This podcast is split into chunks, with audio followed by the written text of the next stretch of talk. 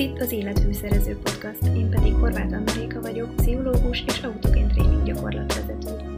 Minden adással közelebb viszlek önmagad és a világban való helyed milyen megértéséhez, hogy egy kiegyensúlyozott, szerető kapcsolatot alakíthass ki saját magaddal.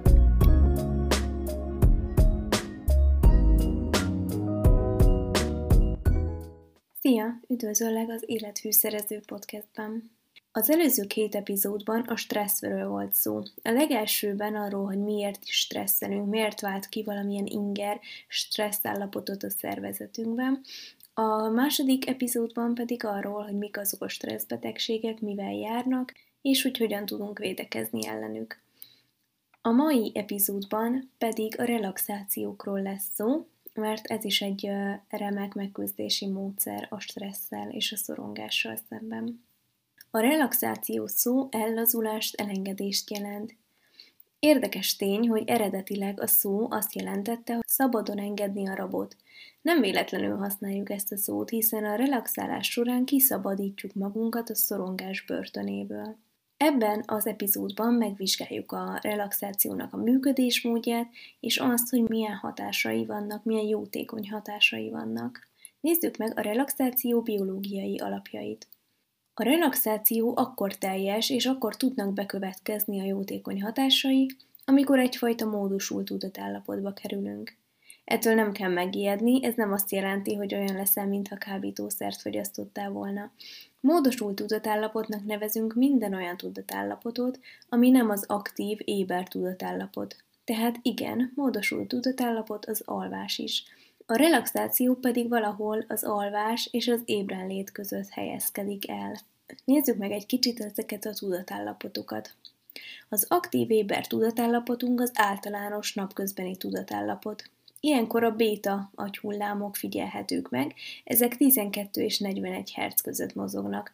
Ennek köszönhetően az agy fókuszált, így könnyen és gyorsan reagál a környezeti ingerekre. A relaxált állapot az alfa tudatállapot, ilyenkor az agyhullámok 6 és 12 Hz között mozognak. Ez ébrenléti ellazultságnak is nevezzük. Ebben az állapotban dolgozik ugyan az agy, de sokkal lassabb a tevékenysége. Ennek az állapotnak a hatása pihentető, frissítő, serkentő és kreativitást fokozó. A téta, azaz a 4-7 Hz-es tudatállapot a mély meditációs állapot. Ebben az állapotban az agytevékenység csak nem olyan lassú, mint a mély alvás során. Eközben az izmok ellazulnak, csökken az oxigén felhasználás és lelassul a légzés. A delta tudatállapot, ami a leglassabb, ez 1-4 Hz között mozognak ilyenkor az agyhullámok, ez a mély alvás során fennálló állapot. Ilyenkor a leglassabbak az agyhullámok. Mély alvás során az elmeműködés és az emésztés leáll, a test pedig regenerálódik. Ezért nagyon fontos az alvás, mondom zárójeles megjegyzésként.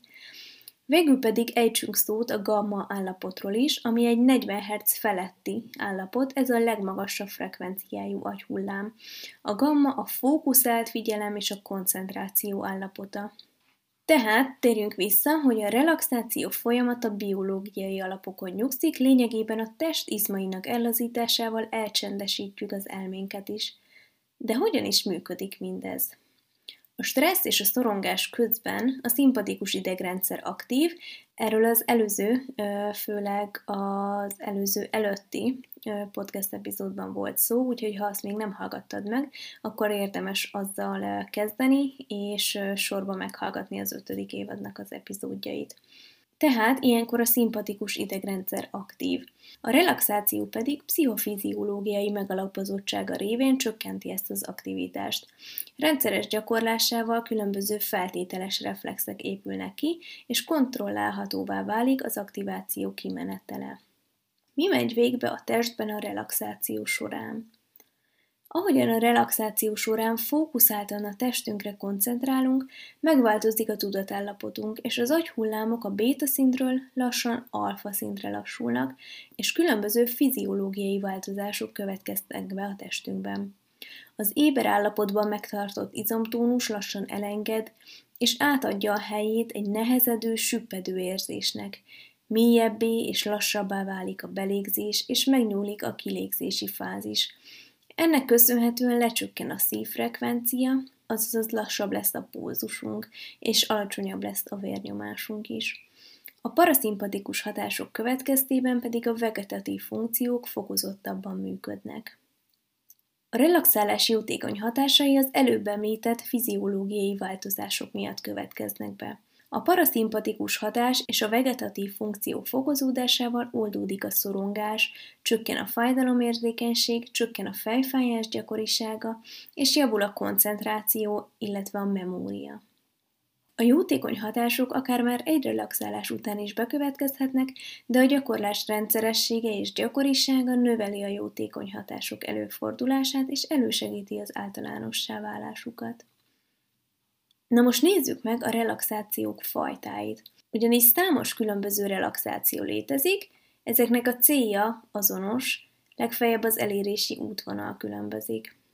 Ebben az epizódban három relaxációt mutatok be, a progresszív izomrelaxációt, a mindfulness relaxációt, és végül, de nem utolsó sorban az autogén tréninget, amiről a legrészletesebben lesz szó. Kezdjük a progresszív izomrelaxációval. Ez a relaxáció Jacobson nevéhez fűződik. Ez a fajta relaxáció könnyen alkalmazható kezdők által is. Sőt, azok számára is könnyű az elsajátítása, akik korábban nem szereztek sikerélményt a relaxációk terén. A módszer lényege az izmok akarattal történő megfeszítésén, majd ellazításán alapszik. Tehát ahelyett, hogy görcsösen akarnánk ellazítani az izmainkat, ami fizikai képtelenség, ráteszünk még egy kicsit az eleve tónusos izmokra, és utána ezt a megfeszítettséget engedjük el. Ez tényleg nagyon jó kezdő relaxáció gyakorlásként. Én is ezzel kezdtem, amikor egyszerűen képtelen voltam akarattal ellazítani magamat. Szóval, hogyha neked is olyan problémád van, hogy nagyon szeretnél relaxálni, de minél görcsösebben akarod, annál nehezebben megy, akkor ajánlom, hogy kezdjél a progresszív izomrelaxációval. Térjünk át a mindfulness relaxációra. Ez egy sokkal passzívabb relaxáció, ellenben a test teljes tudatosítására helyezi a hangsúlyt. A mindfulness szó tudatos jelenlétet jelent, a jelen pillanat teljes megélését. A mindfulness relaxáció során végigpásztázzuk a testünket, és tudatosítunk, megélünk minden vele kapcsolatos érzést, de nagyon fontos, hogy közben nem kapcsolunk hozzá értékítéletet. Általában ez egy fekvő pozícióban történik, mondjuk fekszünk az ágyon, kényelmes pózban, kezünk lábunk nyújtva, lábújunktól kezdve elkezdjük végigpásztázni a testünket. Akaratlanul is fogunk közbe tapasztalni mindenféle görcsösséget, izomfeszülést, akár kellemetlen, fájdalmas, szúró, bizsergető, viszkető érzéseket, de nagyon fontos, hogy ezeket tudatosítsuk, hogy ezek vannak. Igen, most úgy érzem, hogy viszket a lábam, de nem fogok oda nyúlni és megvakarni, és nem kezdek el átkozódni, meg nem kezdem el szídni magamat, hogy miért nem tudom ellazítani a testemet, hanem csak megélem, és tudatosítom ezeket az érzéseket, de folytatom a pásztázást. Ez nem könnyű csinálni, bele kell jönni, elég nehéz először megtanulni, de minél többet gyakorlod, annál könnyebben fog aztán menni. Nagyon fontos emiatt, de nem csak a mindfulness relaxációban, de különösen fontos ebben, a rendszeres és lehetőleg mindennapos kitartó gyakorlás. Hogyha ez megvan, akkor ennek köszönhetően hatékonyan segít enyhíteni a depresszió és a szorongás tüneteit is. Hogyha a mindfulness relaxációt szeretnéd kipróbálni, akkor ajánlom figyelmetbe a Tudatos jelenlét a gyakorlatban című könyvet. Ez egy könyv és munkafüzet egyben, inkább így mondanám, egy 8 hetes programot tartalmaz, az az alcíme, hogy a mindennapok örömtelibb megéléséért, a depresszió és a szorongás kezelésére. John Teasdale, Mark Williams és Zidane Segal az írója ennek a könyvnek, és John Kabat-Zinn a mindfulnessnek az egyik apja, hogy így mondjam. Ő írta az előszavát a könyvnek, szóval ez egy elég alaposan megalapozott könyv, megbízható forrásból, úgyhogy ezt ajánlom, hogyha szeretnéd kipróbálni a mindfulness relaxációt, akár szorongás, akár depresszió tüneteinek az enyhítésére, és ehhez elérhetőek különböző hangfelvételek, amiken sorba haladva segít a könyv. Ezeket elérheted a Nyitott Akadémiának az oldalán. Be fogom linkelni a leírásonál mind a könyvet, mind a hangfelvételek elérés, elérési linkjét, és meg tudod hallgatni, ki tudod próbálni. Végül pedig térjünk át az autogén tréningre. Nekem ez a személyes kedvencem, mivel én elvégeztem az autogén tréning gyakorlatvezetői képzést, így pszichológusként és autogén tréning gyakorlatvezetőként én ezt oktathatom, megtaníthatom, úgyhogy ha majd szeretnéd elsajátítani, akkor bátran fordulj hozzám, szintén beteszem a linket az epizód alá, ahol tudsz jelentkezni az autogén, autogén tréning tanfolyamomra. Az autogén tréning Schulz pszichiáter és pszichoterapeuta nevéhez kötődik. Ez egy orvosilag alátámasztott relaxációs módszer, így számos pszichoszomatikus panasz kezelésére is alkalmas. Szinte bárki által elsajátítható és alkalmazható módszer a szorongás oldására és a belőle fakadó szomatikus problémák enyhítésére is. Mivel autogén, a módszer elsajátítása után önállóan alkalmazható, személyre szabható. Ez azt jelenti, hogy nincsen egy állandóan szükséges mondjuk hangfájl, amit hallgatnod kell, hogy hogy arra tudj relaxálni, hanem úgymond van egy szöveg, amit megtanulsz, ez a szöveg valamilyen szinten személyre szabható, hogy minél inkább alkalmazkodjon a te szükségleteidhez, és ezt a szöveget mondva tudsz igazából relaxálni. Úgyhogy a megtanulása a pszichológus vezetésével zajlik, és rendszeres önálló otthoni gyakorlást kíván.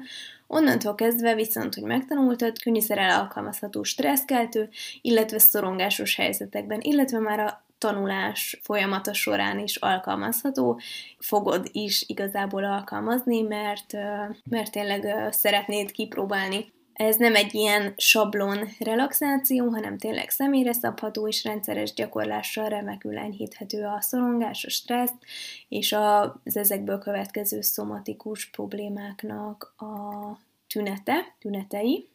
És nagyon fontos, hogy a módszer elsajátítása során nem csak az egyes gyakorlatsorok megtanulása kerül fókuszba, hanem közben az önismeret mélyítése is cél, és különböző vezetek kérdések megválaszolása szintén az otthoni gyakorlás mellett ilyen házi feladatként kerül feladásra, és mindezeken túl pedig nagyon fontos a gyakorlatsor belső vététele, hogy valóban autogén legyen, és egy így egy ilyen megtanult technikánál jóval több az autogén tréning, és mindenkinek egy picit más és más, hogy ő mire használja és hogyan használja. A módszer ugye, ahogy az előbb említettem, különböző gyakorlatsorokból épül föl, és ezeket tanuljuk meg sorban. Ennek során végigvesszük az egész testet, annak minden részét, szervét, és így kontrollálhatóvá válnak azok a funkciók, amik a relaxáció nélkül befolyásolhatatlanok lennének. A rendszeres autogén tréning gyakorlás során fokozódik a paraszimpatikus tónus, ellazul az izomzat, csökken a pulzusszám és a vérnyomás, csökken a légzésszám, mélyül a légzés, a kilégzési fázis megnyúlása következtében csökken a szívfrekvencia, harmonizálódnak a vegetatív funkciók, működésük tudatosul, és lehetővé válik a szabályozásuk.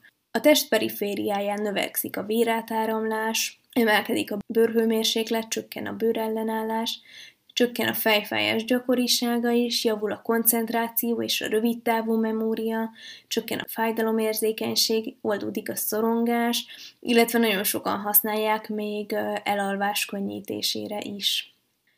Szóval, hogyha szeretnéd elsajátítani ezt a biológiailag alátámasztott hatásos relaxációs módszert, akkor jelentkezz be hozzám tanfolyamra az epizód alatt található linkem illetve írd meg, hogy melyik relaxációs módszert ismered, melyiket próbáltad, melyik szimpatikus, Hogyha még nem próbáltad egyiket sem, melyik az, amelyik elnyerte a tetszésedet, és ki szeretnéd próbálni.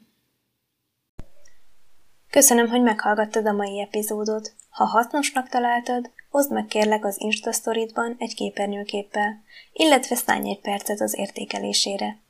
További hasznosságokért pedig böngész a korábbi epizódok között az életfűszerező.hu honlapon és az azonos nevű Instagram profilomon. Találkozzunk a következő epizódban. Legyen csoda szép napod!